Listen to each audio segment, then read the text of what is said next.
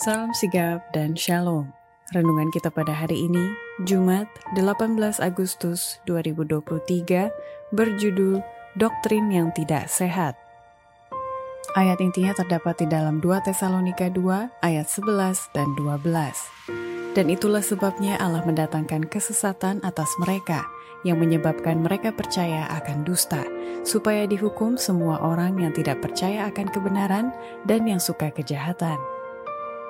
Pena Inspirasi menuliskan yang dimaksud dengan judul renungan kita pagi ini, Doktrin yang Tidak Sehat, adalah sebuah panggilan kehidupan yang praktis agar kita senantiasa menunjukkan kesenangan dan kesenangan-kesenangan sebagai faktor yang menunjang kebahagiaan sejati dan sarana untuk memulihkan hubungan kita secara vertikal kepada Tuhan dan horizontal dengan sesama sebagai berikut. Pertama, salah satu ajaran yang tidak sesuai dengan Alkitab atau doktrin yang tidak sehat adalah tentang api neraka yang kekal dan penyiksaan yang tiada akhir terhadap orang-orang jahat. Penyesalan yang dalam akan dosa kadang-kadang merusak secara pelan-pelan keadaan jasmani dan membuat pikiran tidak seimbang. Ada juga doktrin-doktrin yang salah, seperti api neraka yang kekal dan penyiksaan yang tiada akhir terhadap orang-orang jahat yang oleh pandangan yang berlebih-lebihan dan yang menyimpang tentang tabiat Allah telah menghasilkan akibat yang sama kepada pikiran yang peka atau sensitif.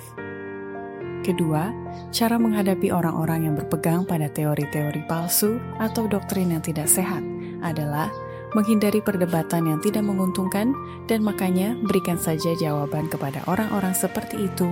Jawaban ada tertulis. Kita tidak dipanggil untuk mengadakan perdebatan dengan mereka yang berpegang pada teori-teori palsu. Perdebatan tidak menguntungkan. Kristus tidak pernah mengadakan perdebatan. Ada tertulis adalah senjata yang digunakan oleh penebus dunia itu.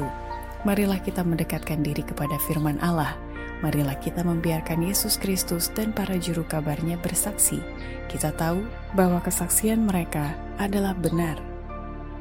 Ketiga, Alasan tidak perlu berdebat dengan orang-orang yang berpegang pada teori-teori palsu atau doktrin yang tidak sehat, karena pendekatan positif dengan mengkhotbahkan kebenaran jauh lebih ampuh daripada perdebatan. Jangan pelihara roh perdebatan, hanya sedikit kebaikan yang diperoleh dari pembicaraan yang mencela. Cara paling pasti untuk menghancurkan doktrin palsu ialah dengan mengkhotbahkan kebenaran.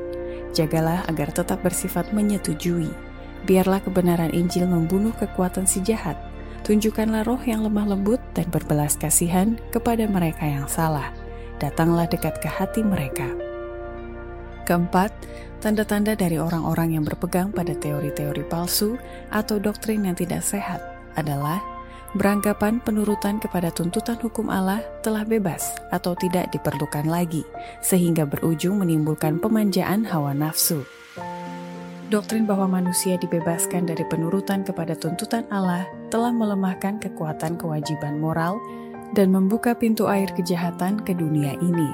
Ketidakpatuhan kepada hukum, pemborosan, dan korupsi menyapu kita bagaikan gelombang pasang yang kuat. Dalam keluarga, setan bekerja. Panji-panjinya berkibar, bahkan dalam rumah tangga yang mengaku rumah tangga Kristen. Ada kecemburuan, dugaan-dugaan jahat, kemunafikan, kerenggangan, persaingan, pertengkaran, pengkhianatan kepercayaan kudus, pemanjaan hawa nafsu, seluruh sistem ajaran dan prinsip keagamaan yang seharusnya membentuk fondasi dan kerangka kehidupan sosial, kelihatannya bagaikan masa yang lemah siap untuk jatuh kepada kehancuran. Demikianlah renungan kita pada hari ini.